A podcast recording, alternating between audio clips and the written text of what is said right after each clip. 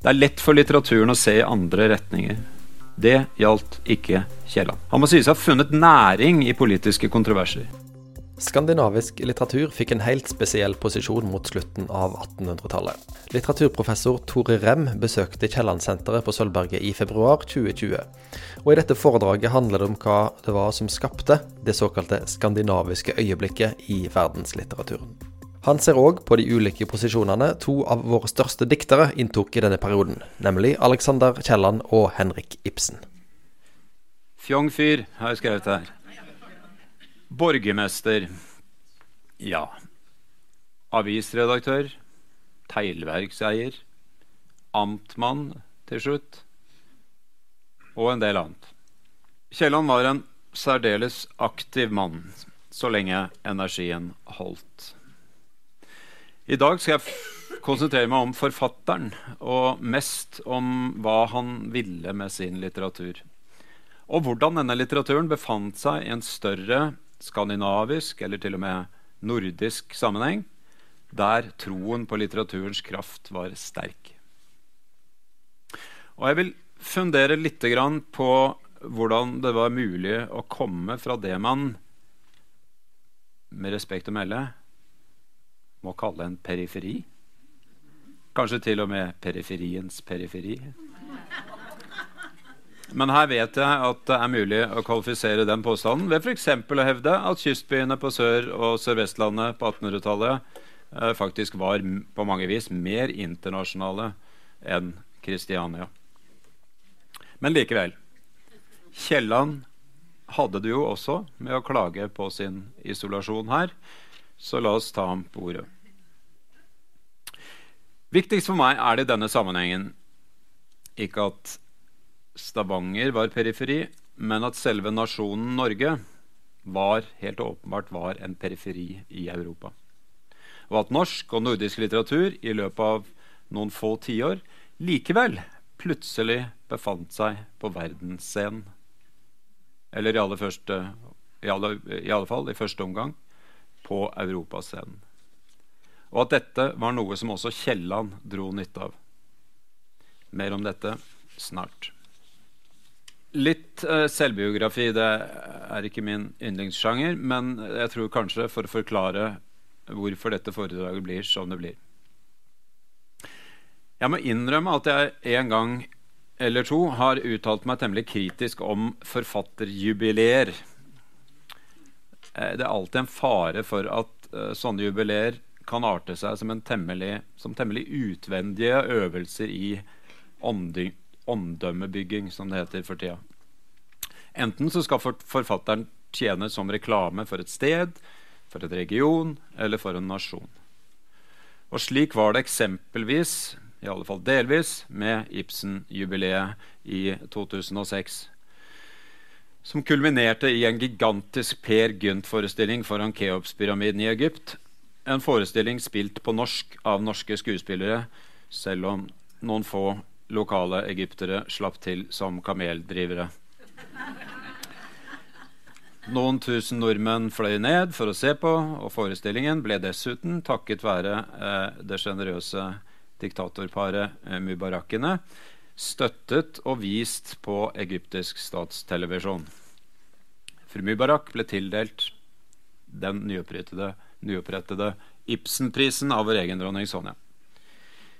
Hva, sier jeg provokatorisk, gjør man ikke for å vise at Ibsen er stor, og at Norge ikke er særlig mye mindre? Men det var mest en digresjon. Fordi faktisk, i forberedelsene til dette foredraget så kom jeg på at det jo var forfatterjubileer som fikk meg i gang med Kielland. At de andre, med andre ord også kan være fruktbare tilstelninger. Særlig når de er av det litt mer beskjedne og fornuftige slaget. Mitt mer profesjonelle forhold til Kielland begynte nemlig da jeg i eh, Det heter vel forrige årtusen. Eh, nærmere bestemt i 1998 ble invitert tilbake til Norge jeg bodde i England, for å snakke om engelsk litteraturs og aller, aller mest Charles Dickens' betydning for denne byens store romanforfatter. Da drev jeg på med en Dickens-avhandling i Oxford og syntes utfordringen var gøyal. Og så ble det faktisk flere artikler ut av det. Den jeg husker best, sto i tidsskriftet Tidens Tegn under eh, Henrik Syses redaksjon og handla om hvordan Kielland gjennom livet identifiserte seg med ulike Dickens-skikkelser. Først med den uansvarlige rikmannssønnen James Stairforth fra David Copperfield. Så med den minst like uansvarlige, men atskillig mer sjarmerende og joviale Micawber fra samme roman. Den evige optimist som alltid står i gjeld, um, uh, men som alltid uttaler 'Something must turn up'. Noe må bli bedre. Noe 'Something must, something will turn up'. Det er liksom hans faste frase.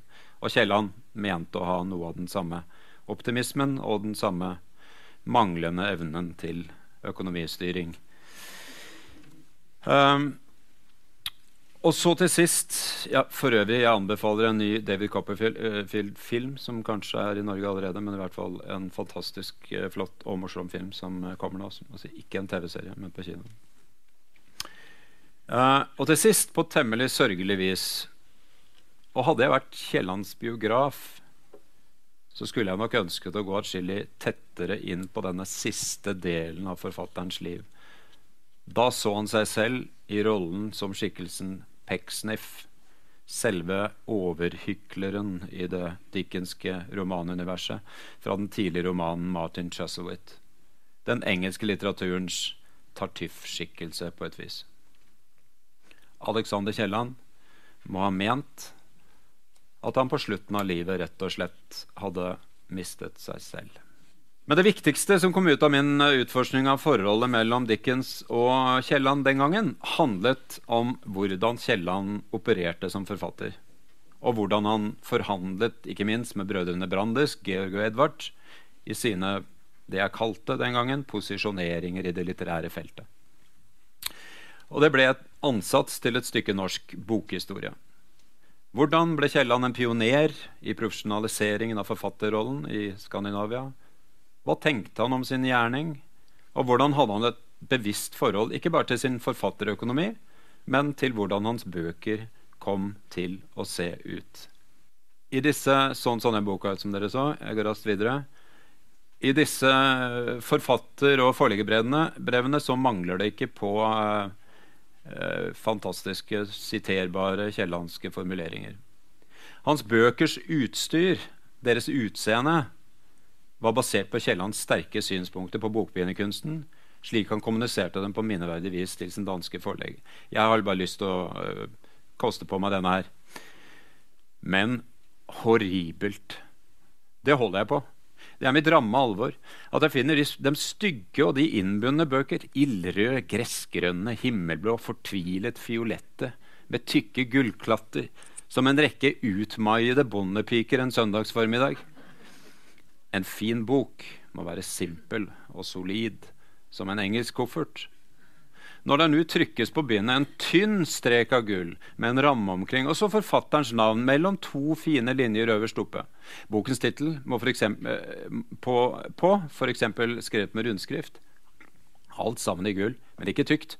Og så endelig det gyldendalske merket i gull bakpå. En bok skal være like pen for og bak. Så har de en bok etter mitt sinn. En bok som kan ligge med anstand hvor som helst i en komfortabel salong. Som kan de, de, kan ta med dem på gaten eller ha på en reise, i stedet for disse spraglede, skrigende tingester der ikke passer noe helst någesteds, og som en velkledd gentleman vil unnse seg for å bære på gaten. Uh, det er jo flere ting å si om det, men uh, men uh, det er klart det er en viss For det første så hadde han veldig sterke synspunkter på hvordan bøker skulle se ut. Og det er interessant i seg sjøl. En forfatter på den tiden er så tydelig overfor forlaget. Og så selvsikker i måten han legger det fram på.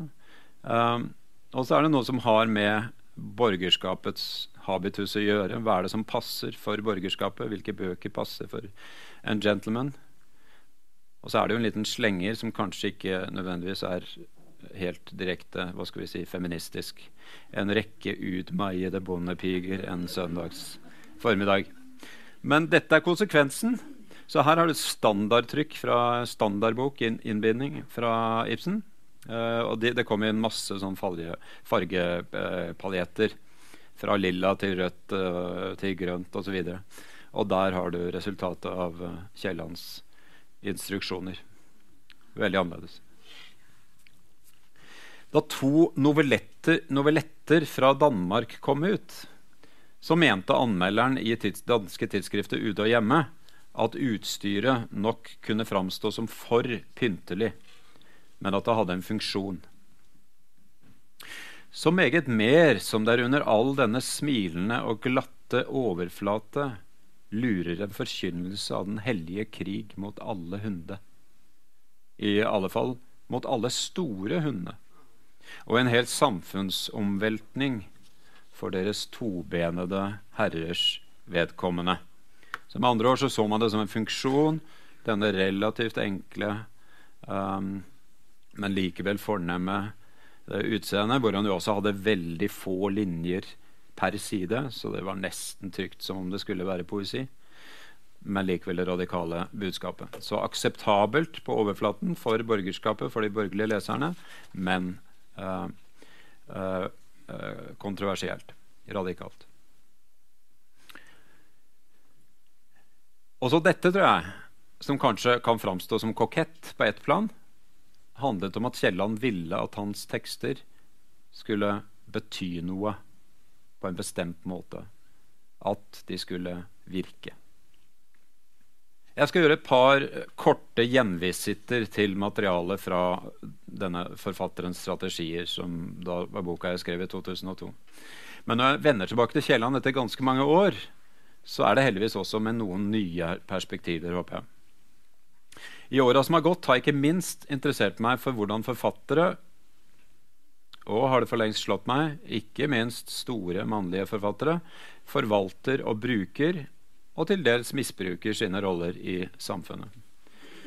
For meg så begynte det da som Red Dickens, og så ble det Kielland, og siden har det blitt Jens Bjørneboe, Knut Hamsun og, og ikke minst Henrik Ibsen. Og da er det mangeårig arbeid med den siste av disse forfatterne som skal utgjøre en liten innramming for Kielland her i dag. For å se om vi kan lære noe av parallellene Sammen med historikeren Narve Fulsås så utga jeg to år siden, i 2018 i hvert fall, uh, boka 'Ibsen, Scandinavia and the Making of a World Drama'. Her ønsket vi, for å si det enkelt, å svare på spørsmålet om hvordan Ibsen var mulig. Det er et hårete spørsmål, vil jeg si, men hvorfor ikke? Ikke minst vi litteraturforskere har lenge hatt en tendens til å bli nokså nærsynte i våre nærlesninger. Og min venn Narve og jeg ville forsøke Narve er for øvrig historiker, jeg er litteraturforsker. Um, vi ville forsøke å finne ut hva som kunne være betingelsene for fenomenet Ibsen. Utover at han var, det var vi aldri i tvil om, temmelig god til å skrive. Det hjelper ofte når man vi blir forfatter. Eh, eh, det var der. Men vi mente at det var mange andre ting som måtte til for at dette fenomenet, fenomenet skulle oppstå. Eh, det var noe mer som var nødvendig for å forstå hvordan man kunne foreta reisen fra i 1850, da Ibsens, Ibsen utga sitt første skuespill, 'Catelina', i en nasjon som nesten ikke hadde noen bokproduksjon, til at han fire tiår senere var en av Europas mest feirede forfattere. Kanskje, argumenterer vi, det første synkrone fenomenet i verdenslitteraturen. I betydning at når hans nye bøker kom ut, så sto det på tittelbladet 'Kommer også i Paris, Berlin' um, eller kommer også på engelsk, fransk, tysk, uh, ungarsk, uh, italiensk. Så et synkront fenomen hvor verden satt og ventet på at denne boka skulle komme.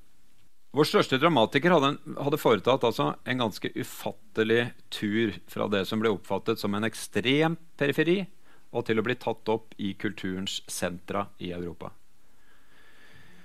Vår påstand er at Ibsen med et etterfølgere, og heriblant så regner vi Kielland, en stund jo utgjorde hva vi kalte det skandinaviske øyeblikket i verdenslitteraturen. Et øyeblikk, noen få år, kanskje et par tiår, så var det den skandinaviske litteraturen som var den hotteste, for å si det sånn. Kanskje om den første, og så med siden av den russiske. Da kom disse nye litteraturene inn uh, og, og, tok over og kom inn i et nytt, et nytt, rom. Nå har jeg begynt i en ny jobb hvor jeg har ansvar for uh, noe som heter UiO Norden. Så nå har jeg jo angra veldig på at vi kalte dette for The Scandinavian Moment. Men uh, la oss kalle det det nordiske øyeblikket i, i verdenslitteraturen. Det er, det altså. Men det er de skandinaver, eh, dansker, svensker og nordmenn som først og fremst dominerer. Fuglsos og jeg har ønsket å stille spørsmål ved den akk så slitesterke fortellingen om Ibsen. Hva vi kaller the master narrative. Den mesterfortellingen om Ibsen. Om hans liv og virke. At han var en mann som bare ble møtt med misforståelser og vrangvilje, for ikke å si forfølgelse, hjemme i Norge. At han i 1864 måtte flykte fra hjemlandet for så å slå seg til i Italia og Tyskland. Og at det var der han møtte den europeiske modaliteten som det ikke var noe av der hjemme. At det var slik hans verk fikk ny retning, at det var slik han kunne bli det såkalte det moderne dramaets far i mellomtida, mens han drev på der nede og, og ble far. Så i den forstand eh, også. Eh, så eh, kjempet den danske kritikeren Georg Brandes for ham i, Skandinavia, og sammen drev de gjennom det såkalte moderne gjennombruddet. De konservative kreftene var slått.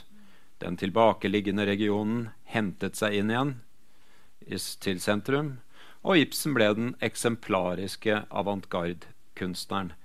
En som alltid var i forkant, en som alltid sto alene, som var uavhengig. Dette, dette ble veldig tidlig et sterkt bilde for yngre kunstnere. Så f.eks. Rilke, for ikke å snakke om James Joyce, valgte seg Ibsen som modell, selve modellen for kunstneren. Og da handlet det om de tingene. Han hadde forlatt alt, han var eksilant, han var hevet overalt.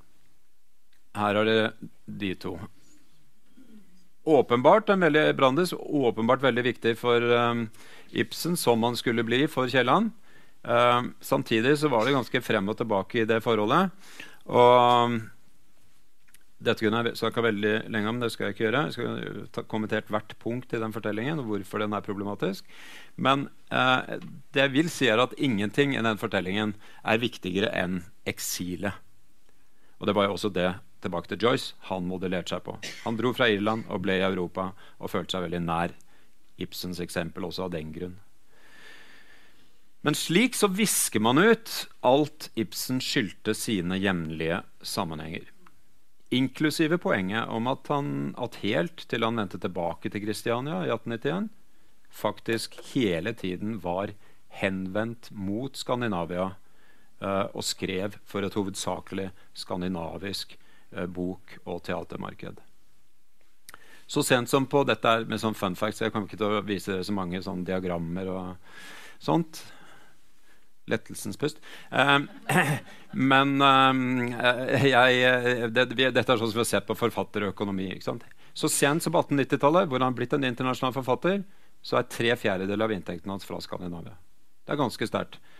Og det handler delvis selvfølgelig om at han ikke er opphavsrettsbeskytta. Fordi verken Norge eller Danmark skriver under uh, Bern-konvensjonen eller andre bilaterale avtaler. Så det betyr at ute i Europa så blir han stor, men han får faktisk hjelp av at han er ubeskytta, så alle kan bare grabbe det de vil uten å måtte betale. Ja, øh, Han var henvendt den veien, og, og, vi mener at det er umulig å forstå hvordan forfatterskapet utviklet seg uten å skjønne hva som skjedde i Skandinavia. Og i det skandinaviske litterære feltet. Hvilke kamper pågikk, hvordan utviklet litteraturen seg? Dette fulgte Ibsen med på, og dette forholdt han seg til, responderte på. Og etter hvert så eh, kan du si at han også um, uh, stadig klarte å reposisjonere seg. Eksempelvis når han begynte å framstå som en litt mer sånn konservativ uh, kar um, med etablert, stor status, stor dikter osv. Men så kom det en ny generasjon. Så klinte han til med et dukkehjem.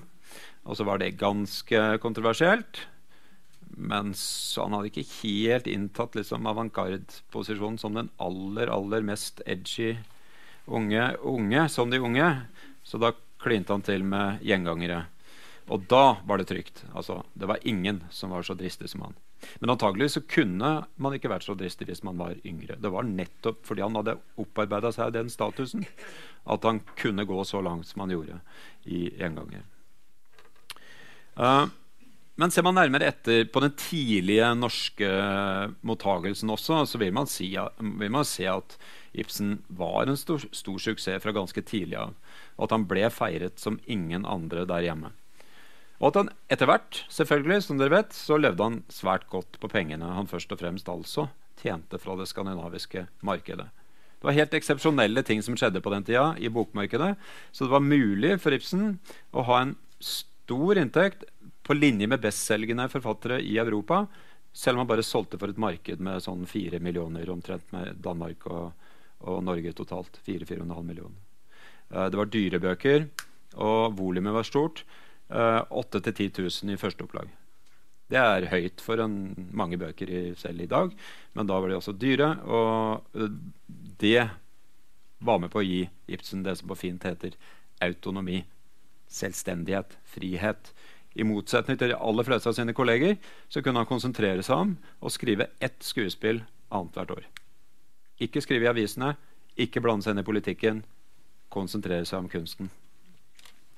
Men det med Ibsens popularitet, bare som en sånn påminnelse, da, for dette er veldig spesielt Dette er jo tilbake etter, etter på 1890-tallet, han er tilbake i Kristiania.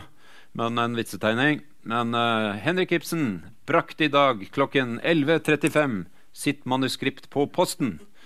Og så er det si, hornorkester og, og full fart. Dette er ikke den forfulgte kunstner, bare så det er sagt.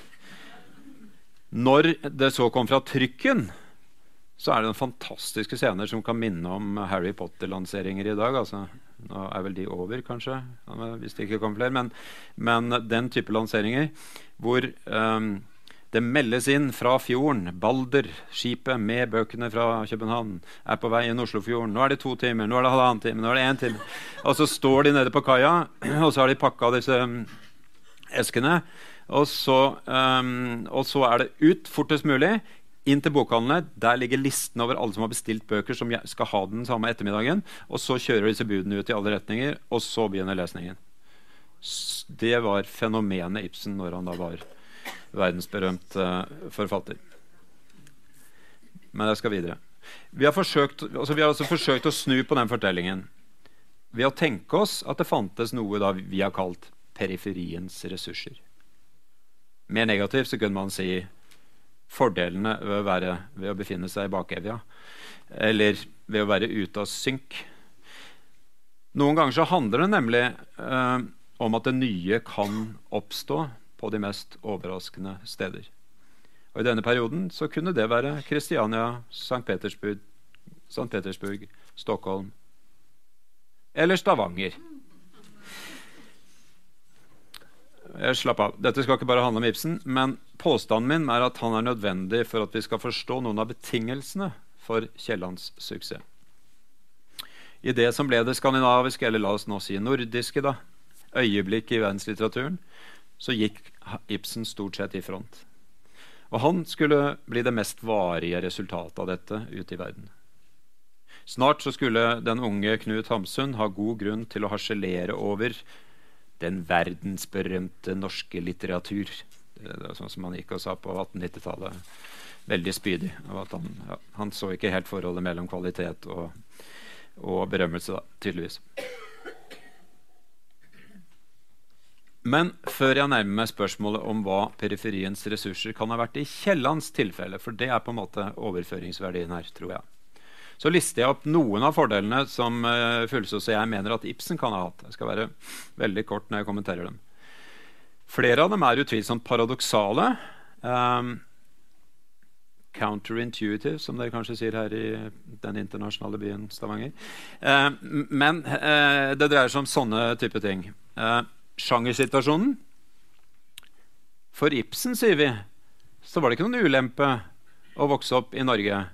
I de store europeiske landene hadde romanen tatt over som den dominerende sjangeren. Det var veldig lite aktuelt for folk med litterære ambisjoner å velge seg drama. I Norge så kom romanen sent. vi regner gjerne Camilla Collett, døtre fra midten av 50-tallet, til å være den første norske romanen. Den fantes i oversettelse, men for en norsk forfatter som ville starte en karriere, så var det helt legitimt å satse på poesi eller på, roman, nei, på, på drama. Og det var det Ibsen gjorde. Det jeg sier her, hadde, han blitt, hadde, han blitt, født i England, skulle begynne å skrive der, veldig lite sannsynlig at han ville blitt dramatiker. Uh, I tillegg ta det med en gang, så var det en stor grad av nærhet mellom bok og drama. Så når du satsa på drama, så ble det gjerne også trykt opp i bøker. Det kunne være i aviser, i føljetonger, men det ble trykt. Så, mens i England så var det spectacle. Det var bare eh, voldsomt spektakulære teatershow hvor bøkene ikke var interessante. Det hadde ikke vært trykt bøker fra det nye dramaet i England i 50 år. Fordi det var, ikke, det var ikke et litterært produkt. Og dette på sikt vil jeg mene, er en viktig betingelse for at Ibsen kunne stå for det som han har fått så mye kred for, da, som er å heve dramaet opp igjen til en ny, akseptabel, uh, høyverdig sjanger da, i løpet av disse tiårene. Ved å skape en ny middelklassens tragedie i dramaform. Eh, også dette som vi ofte glemmer når vi tenker på bakevja og periferi, er at eh, Norge og Danmark var importkulturer i litterær forstand. De hadde, sånn, Hvis du skulle sammenligne hvor, altså andelen av oversettelser i hver bokkultur så I USA og Storbritannia så er det nede på 3 eller noe sånt. Nå. 3% av alle bøker som trykkes, er, um, er oversatte. Mens i det norske og danske på denne tida så var det veldig mye høyere. Mener vi ligger på sånn 60% eller noe sånt nå. Men det det, det betyr, er at uh, det er tilgang Jeg vil si sentrum er allerede til stede i periferien. Ikke sant? De, utenland, de viktigste utenlandske bøkene har blitt oversatt. Han hadde tilgang til dem. Han kunne lese dem uh, selv uten å mestre fremmedspråk.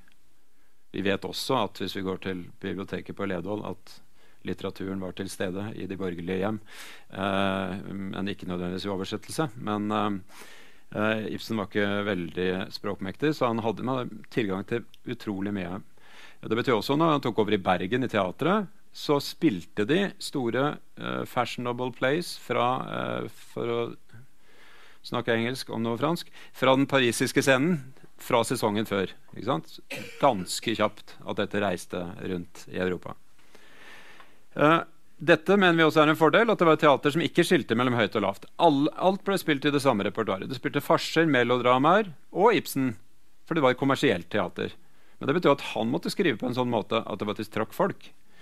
Ute i Europa så ble han i mye større grad omgjort til avantgarde-kunstner. Der var det bare, kanskje bare én forestilling som ble laget for Ibsen. Men, det, og der var det en såkalt uavhengig teaterbevegelse som, som Ibsen ble viktig for. Da. Men hjemme så tjente han masse penger i teatret, og han ble spilt side om side med uh, lave ting og under, mer typisk underholdnings, underholdningsting. Uh, så var det det at i dette landet da, så var det en veldig stor nasjonal investering i kunsten i denne perioden. Så ja, uh, det betyr at noe ble Det var lagt veldig stor vekt på kunstens, kulturens verdi. Fordi vi skulle bygge en nasjonal selvfølelse, vi skulle bli selvstendige osv. Uh, og i tillegg så Det betyr f.eks. at man satsa på å lage teatre. Så fikk vi nasjonale institusjoner. Uh, Ibsen, uh, heldiggrisen, uh, ble teatersjef i en alder av 23. vel? Så det var jo ikke sikkert at du hadde blitt det hvis du hadde begynt livet i Paris. kan vi si. Så han fikk sjanser fordi han var i denne periferien, som han ikke ville fått ellers. og så hadde du det, det såkalte dikt, diktegasjen, som han også fikk ganske tidlig.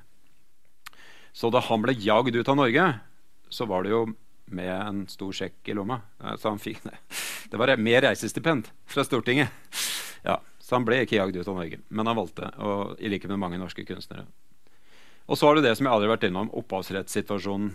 Han var ikke beskytta, og det førte til at det ble en mengde ulike Ibsener som Ibsen sjøl ikke kunne kontrollere ute i verden.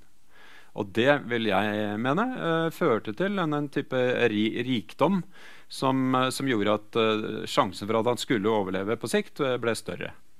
Og så har du den avhengigheten da, av Du skriver for et bitte lite språk, det må vi nok innrømme. og hvis du skal ut i verden, så er du helt avhengig av andre. Det er du uansett, men er du, spesielt er du avhengig av oversettere. Og da er du gjerne avhengig av oversettere som har sine egne agendaer, og som ønsker å oppnå et eller annet i sin litterære kultur. Uansett så førte det der, de paradoksale ressursene, til at han ble et enormt fenomen i løpet av veldig kort tid. Hvordan skal vi forstå oppkomsten av fenomenet Kielland, da? La meg først hoppe til Frans Kafka, ingen ringere, til en refleksjon som han gjør seg i sine dagbøker om forskjellen på de større og mindre litteraturer. Dette har jeg bare i en engelsk oversettelse. What in great literature goes on down below, constituting a not indispensable cellar of the structure, here takes place in the full light of day. What is there a matter of passing interest for a few, here absorbs everyone no less than a matter of life and death. Kanskje kan det gi oss et ganske godt utgangspunkt for å forstå litteraturens status i det provinsielle, perifere Norge på 1800-tallet. Tenk på hva slags posisjon litteraturen fikk i denne perioden. Og tenk på hva slags effekter den kunne skape, ikke mindre i en liten by eh, i et lite land. Om effekter så eh, snakker jeg selvfølgelig om hva den, det man opplevde at den kunne gjøre for nasjonen, altså for Norge, for å styrke nasjonen. En periode var det sånn. Men effekter så snakker jeg også om debatter. Om uh, debatter som gikk på kvinnesak, om debatter som gikk på ytringsfrihet. Uh, en mengde debatter hvor det var litteraturen som ga premissene. I en tid hvor det selvfølgelig var mange færre medier å konkurrere med. Og slik vil jeg mene, så kan vi også uh, forestille oss at det var mulig for en forfatter å få tro på litteraturens kraft, på dens endringspotensial, heter det kanskje i næringslivet i dag. Eh, litteraturen i Kiellands Norge fant sted i fullt dagslys. Her ble det vanskelig å gjemme seg hvis man først hadde fått det privilegium å få sine bøker utgitt. Her mente alle noe om alt, og alle kunne det synes. Og litteraturen fikk sette agendaen. Dette førte forresten til at Ibsen syntes det var greit med avstand. For da slapp han å vikle seg inn i politikk, som Bjørnson gjorde, og endte opp med å bruke kanskje for mye tid på. Og som Kielland etter hvert kanskje også brukte for mye tid på, hvis man kun ser på deres forfattergjerning. Um, Litteraturen ble altså en vesentlig del av dette nasjonale byggeprosjektet. Uh, det gjaldt både innenlands, ved at litteraturen ble satt til å styrke samhørigheten, og utenlands, ved at norske forfattere gjorde det godt og dermed kunne brukes for hva de var verdt hjemme. Jeg, bare, jeg satt på respondent og prøvde å tenke er det noen få av disse periferiens ressurser som jeg tror kan ha hatt betydning for Kielland. Det er åpenbart ikke bare det samme. Um, jeg skal nøye meg med den nasjonale investeringen i litteraturen, det ualminnelig gunstige dansk-norske bokmarkedet, importkulturen, romansjangerens uutnyttede poten potensial og den paradoksale fordelen det kunne ha av å være ubeskyttet. Av å la, kunne la andre forsyne seg, rett og slett. Kiellands litterære debut fant sted i et samfunn der boka og litteraturen hadde fått en helt særegen betydning. Poenget bekreftes en god del steder av samtidige observatører av den skandinaviske litteraturen, og dens forhold f.eks. For til den store tyske litteraturen. Kiellands kollega Jonas Lie rapporterte tilbake til Norge fra Sør-Tyskland i 1879, samme år som Stavanger-forfatteren altså fikk sitt gjennombrudd med Garman i Vorse. Jeg syns dette er um, interessant. Tysklands folkelige liv og dannelse ligger 50 år tilbake for vårt liv. Dette er akkurat det motsatte av hva Brandes gjerne sier. Vi ligger 30 år etter Europa. ikke? Uh, men dette handler om lesekultur. eh, i Norden. Mann og kvinnerne er det ikke tale om, kjenner her i Syd-Tyskland ikke sine egne diktere og skribenter. De nyter heller ingen synderlig borgerlig anseelse ved siden av rang og titler.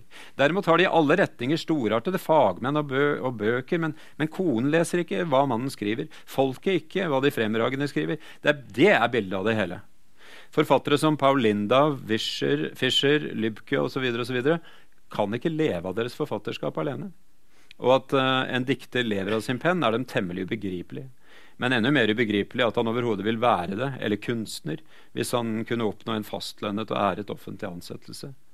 Se, der ser du virkeligheten, ånden som råder under det hele, og sammenlignet så med vårt velsignede land hjemme. Og det er akkurat en tid, en tid, hvor dette for første gang blir mulig i Skandinavia. Uh, uten å være a man of independent means, ikke sant. Så her skjer det noe som Kielland også nyter godt av. Og dette vil jeg mene at bryter med våre nedarvede forestillinger om norske forfattere og den sultne kunstner. ikke sant? Uh, norske forfattere var Li sikker på var simpelthen velsignede hellige. Ni år senere så hadde Kielland fått sine egne erfaringer med forskjellen på ute og hjemme. I 1888 skrev han fra Paris at han mente det i dag fantes, ikke fantes noen andre nasjoner der det ble lest flere bøker enn i Skandinavia.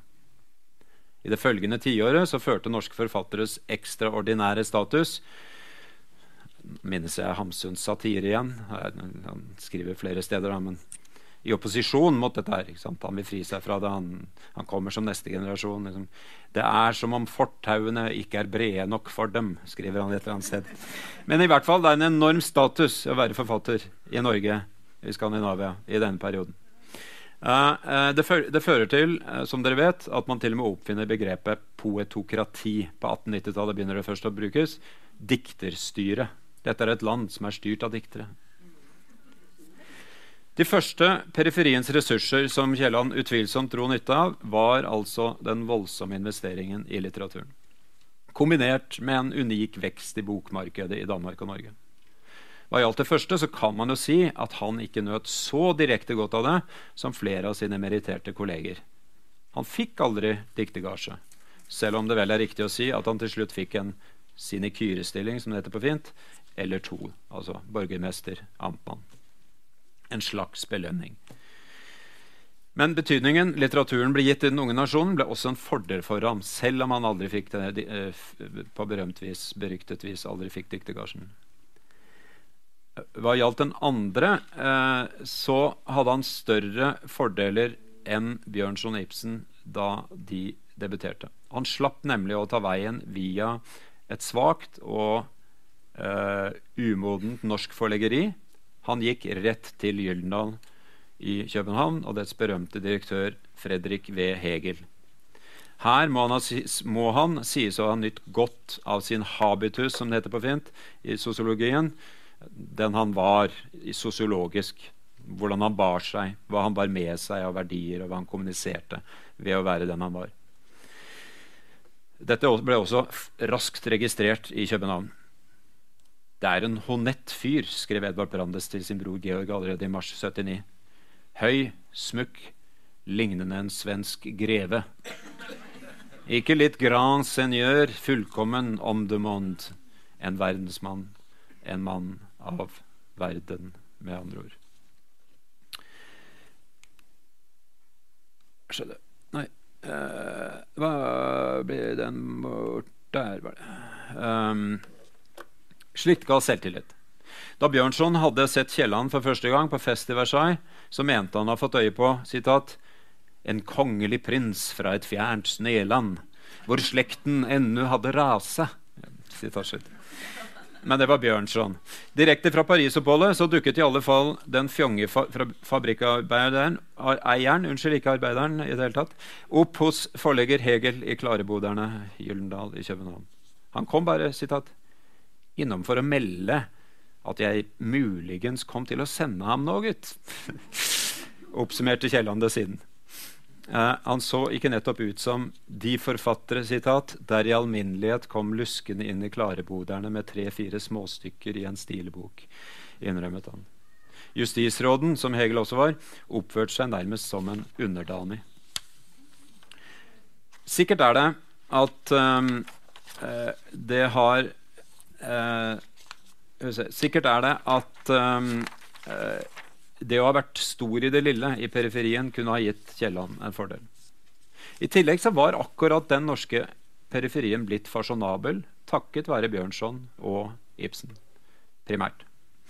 Nærmest umiddelbart så fikk Kielland derfor assistanse, ikke bare fra Bjørnson, men fra disse fødselshjelperne, Brandes-brødrene, foruten fra Hegel. Interessen for norsk litteratur var ualminnelig stor i Danmark, og derfra så kunne man nå videre ut i Europa. I årene som fulgte, så solgte Kiellands bøker med lite tekst som jeg har nevnt, eh, på hver side ualminnelig godt. Mens de bestselgende danske forfatterne, som Holger Drachmann og I.P. Jacobsen, gjerne hadde opplagstall på rundt 2000-4000, så kunne Kielland nå opp i 6000. Det var så absolutt til å leve av, gitt hvor dyre uh, Gyldendals bøker altså var.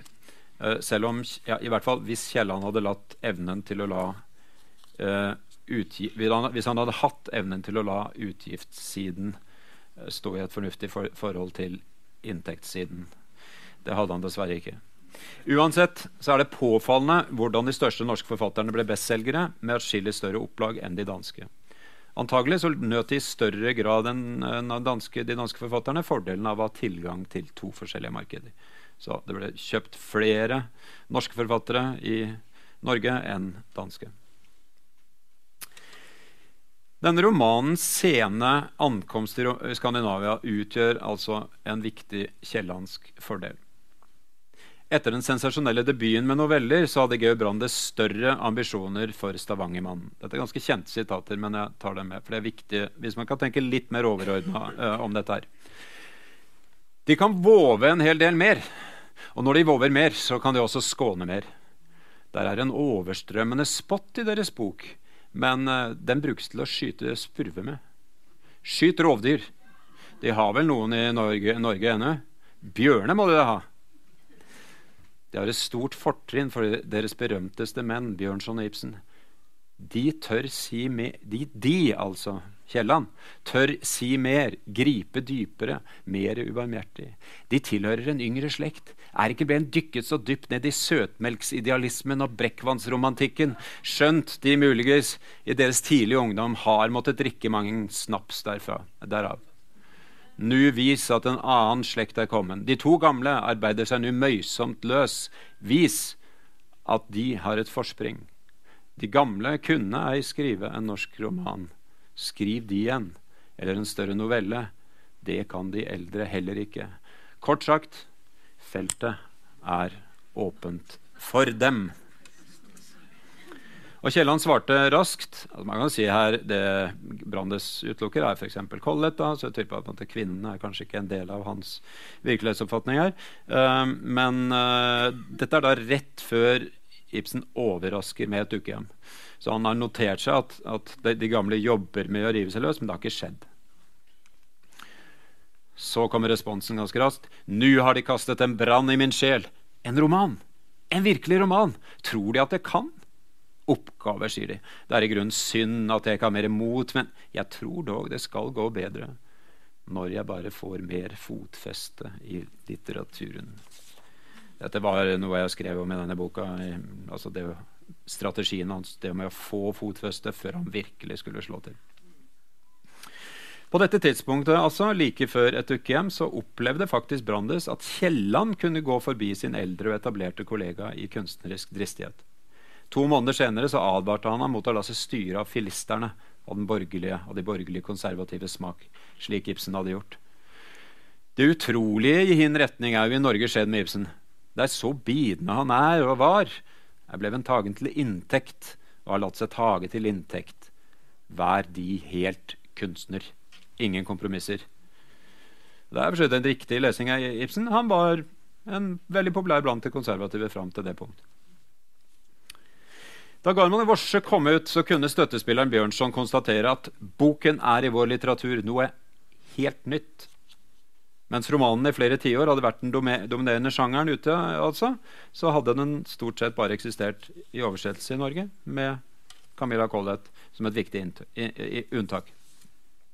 Her var et rom Kielland kunne utnytte. Her kunne en etablert sjanger fylles med en friskhet som bare kunne komme fra utsiden. Kiellands stofftilfang, småbylivet i nord, hadde ikke tidligere vært fylt på slike flasker, kunne man si. Og så tilhørte han altså en ny generasjon som kunne posisjonere seg imot de gamle som hadde brøytet vei. Kielland hadde anledning, hadde anledning til å vise seg enda dristigere og i en mer kontroversiell sjanger enn drama på dette tidspunktet. Jeg nevnte importpoenget, og jeg skal bare si at slik, gjennom å befinne seg i en importkultur litterært sett, så var Stavanger allerede Europa.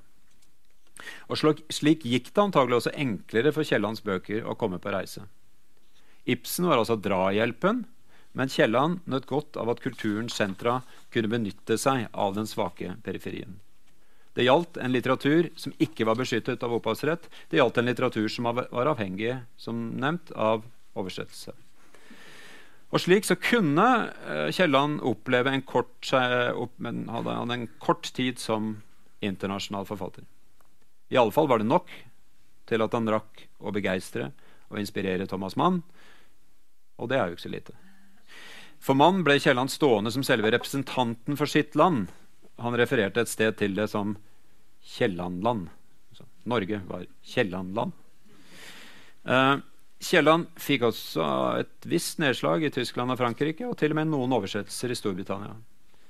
Kanskje styrket dette, vil jeg foreslå, også hans eh, selvforståelse som kosmopolitt, som en som ikke lot seg fange inn av snevre nasjonale interesser. I tillegg hadde det altså betydning for hjemmemarkedet for hvordan han ble oppfattet av sine lesere, særlig i Norge og Danmark.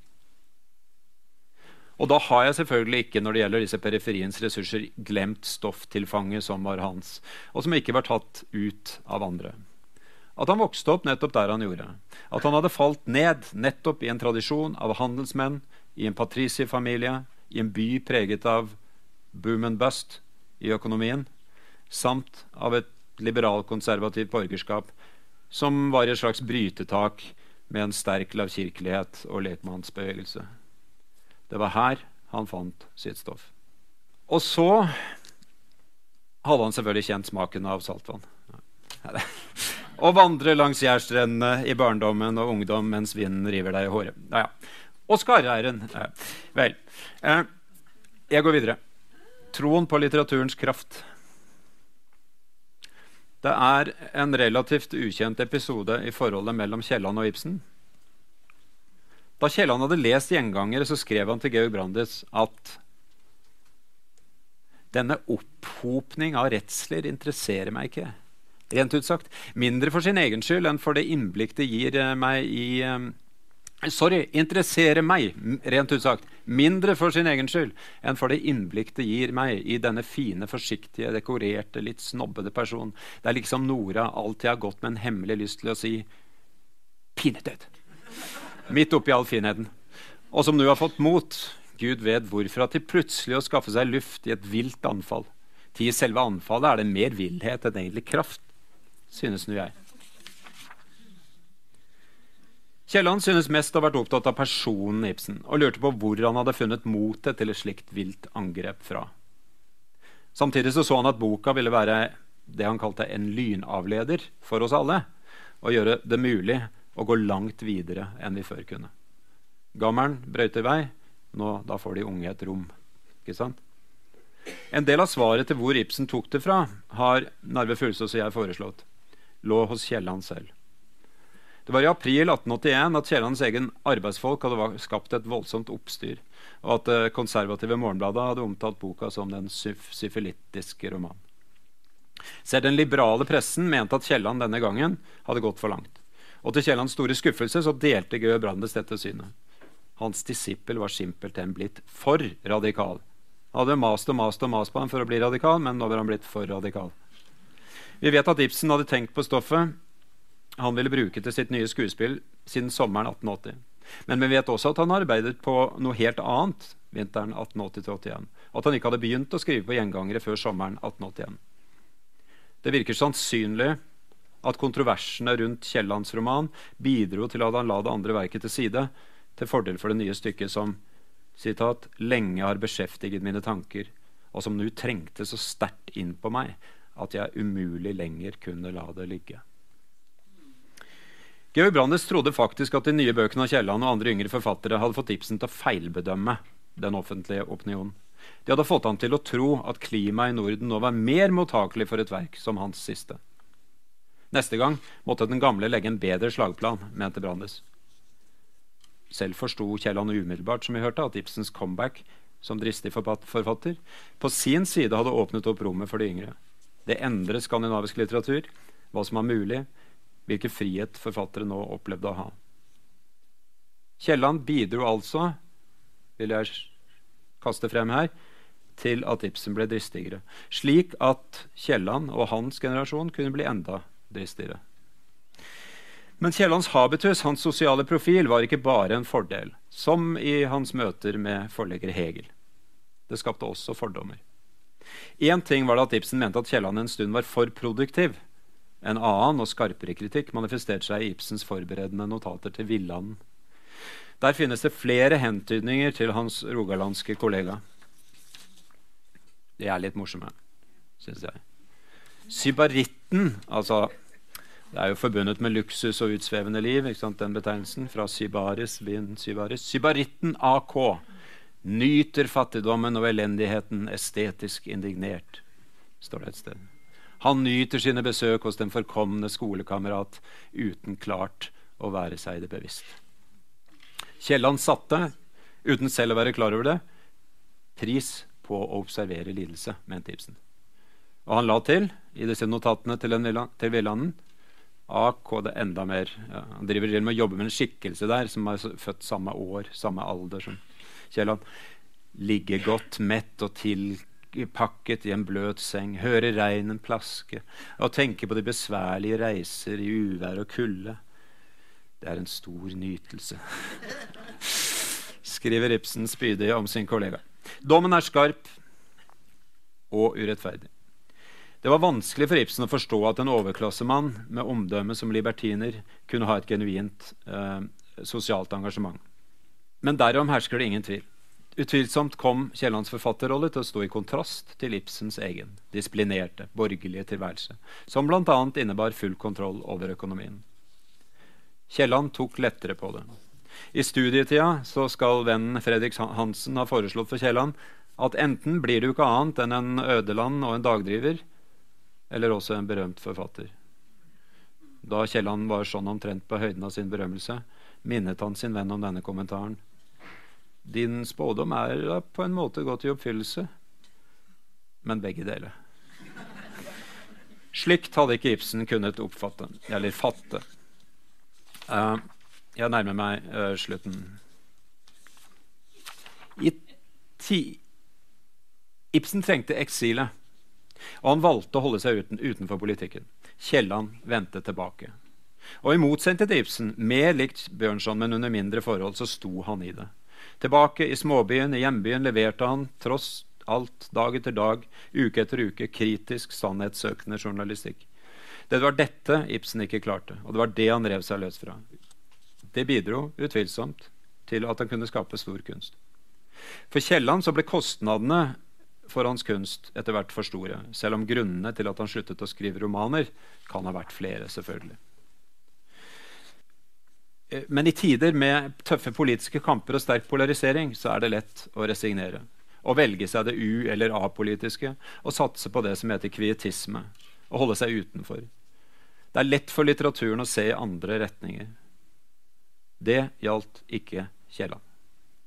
Han må sies å ha funnet næring i politiske kontroverser. Da han i 1887 igjen opplevde uroligheter og sterk politisk storm i sitt hjemland, frydet han seg. En stund hadde han slitt med å få skrivelyst og i det hele tatt å ha noe å si, forklarte han en korrespondent. Men uh, nå da Gud være lovet feighet, hykleri og kjeltringskap atter florerer i de nordiske land Nå kan jeg atter skjære meg en matpose, er ikke det et dansk ordspråk? Men alvorlig talt, harmen gjør godt.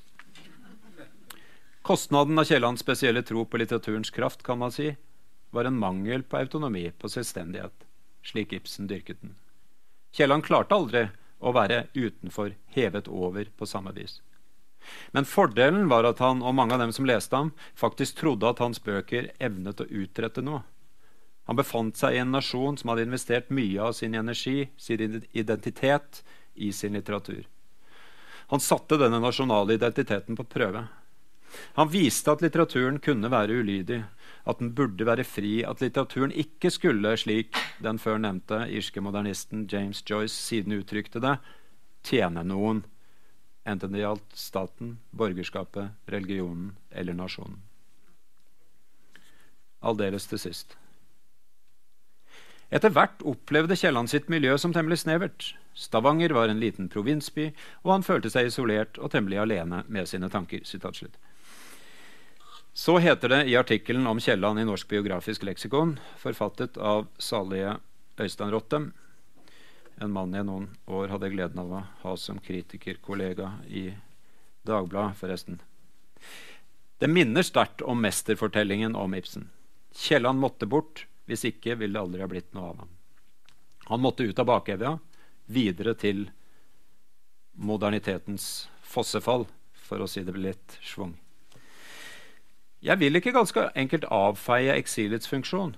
Det, helt, det, var da også helt standard for norske kunstnere den tida. Når man ikke hadde nasjonale utdanningsinstitusjoner for kunstnere, så måtte man dra andre steder.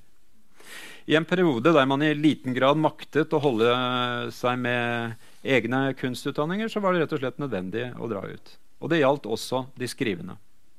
Men mange av dem endte opp med å menge seg med skandinaver i ulike europeiske storbyer. De fortsatte med å snakke og skrive sitt skandinavisk med liten eller ingen evne til å la seg integrere. Det kan vi jo tenke på i disse tider. De fikk sin inntekt hjemmefra. Det var også det som skjedde der hjemme, som interesserte dem mest. Men de oppnådde likevel noe vesentlig. De unnslapp de trange sosiale rammene. De opplevde en form for frihet gjennom avstand. De kunne, om de ville, holde seg utenfor partipolitikkens sfære. Likevel så har jeg valgt å ta Kielland med tilbake til Stavanger og Norge.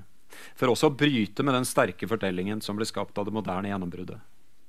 Effekten av denne fortellingen om et tilbakeliggende Skandinavia som måtte innhente europeisk modernitet, er å viske ut arbeidet som ble gjort utenfor Europas kulturelle sentra. Det førte til at sentrum fikk beholde definisjonsmakten. Det gjorde periferiens ressurser usynlige. For oss er det antagelig så naturlig at vi ikke tenker på det. Enhver er seg selv nærmest. Enhver er sentrum. Men for de mange som så og har sett den norske og nordiske litteraturen utenfra, har det vært påfallende at noe så relevant og aktuelt har kunnet komme fra periferien. Den italienske forfatteren og intellektuelle Claudio Magris, mest kjent for sin fabelaktige bok om Donau, og for øvrig en stor Kielland-fan, har i nyere tid omtalt dette i en reisebok kalt 'Journeying'. Den foreligger bare på engelsk. Så. Norway a peripheral European province that still lacked independent national identity, produced an extraordinary world renowned literature that examined in the depth the darkest twists and fundamental contradictions of modernity, in part still unresolved. Og Kielland, legger han til, er en av forfatterne som skulle komme til å åpenbare verden for oss ved å betrakte den fra kanten av en fjord. Det er litt vakkert, da. Mulig at det er litt eksotiserende, men det er litt vakkert. Og Kjell, eh, det, kan, det, kan, være et like godt bilde som noe på verdien vil jeg si, av å ha et perifert, off-center-perspektiv på verden fra Vågen. Kielland trodde på kraften i ordene. Han trodde på litteraturens evne til å skape endring. Og ikke minst trodde han på sannheten. Og ja, jeg merker at jeg nå avslutter i festmodus, men jeg kan ikke dy meg. Litteraturen kan neppe oppnå den kraften den hadde på 1800-tallet. I en tid da boka hadde som nevnt, færre konkurrenter i medielandskapet. Og, og, man hadde en annen tro på, en annen frykt for hva det trykte ordet kunne skape. Både av oppbyggelse og av ødeleggelse. Men kanskje kan litteraturen i dag likevel oppnå ting på andre vis, skape forandring via omveier. I tillegg så var Alexander Lange Kielland en som uttrykte seg i flere sjangere, også utenfor den rene litteraturens verden. Sånn har han skrevet i avis i denne byen. Da demonstrerte han nytten av og behovet for det frie ord. I håp om å oppnå endring. I håp om å holde makten ansvarlig. Kielland vil jeg mene, kan fremdeles bli lest med glede og uten tvil med irritasjon av dem som ikke deler hans syn på verden, og som ikke lar seg overbevise. Men Kiellands eksempel kan også peke i nye retninger. En god stund har vi som driver med litteratur, til daglig ikke egentlig hatt særlig tro på litteraturens evne til å skape forandring. Men nyere litteraturteorier, tilnærminger og lesemåter oppmuntrer oss til å være oppmerksomme overfor verdien av de følelser og tanker tekster skaper. Til hvordan litteraturen ikke bare registrerer verden, men skaper oss mens den gjør det. Vår venn, presidenten i Amerikas forente stater, har påstått at de tradisjonelle mediene er 'the enemy of the people'. Eller om han mot formodning har kunnet uttrykke seg på andre språk enn engelsk, f.eks. på norsk, en folkefiende. Som i tittelen på Ibsens stykke. Kielland ville uten tvil fått sin indignasjon trigget av et slikt utsagn. Han ville motsatt seg det på det heftigste til like fra i min ungdom ble vakt av, jeg ble vakt av Søren Kierkegaard, har det brent i meg at jeg skulle føre et slag mot den verste løgn jeg så og ser i verden, skrev han til broren Jakob i 1887. Hva ville Kielland gjort? Formodentlig ville han tatt av seg hanskene og insistert på at sannhet var noe annet enn løgn på at real news var noe annet enn fake news. Han ville stått i det. Ikke fortell meg at vi ikke trenger en Kielland, eller helst ganske mange flere enn én. Også i år 2020 og framover. Takk.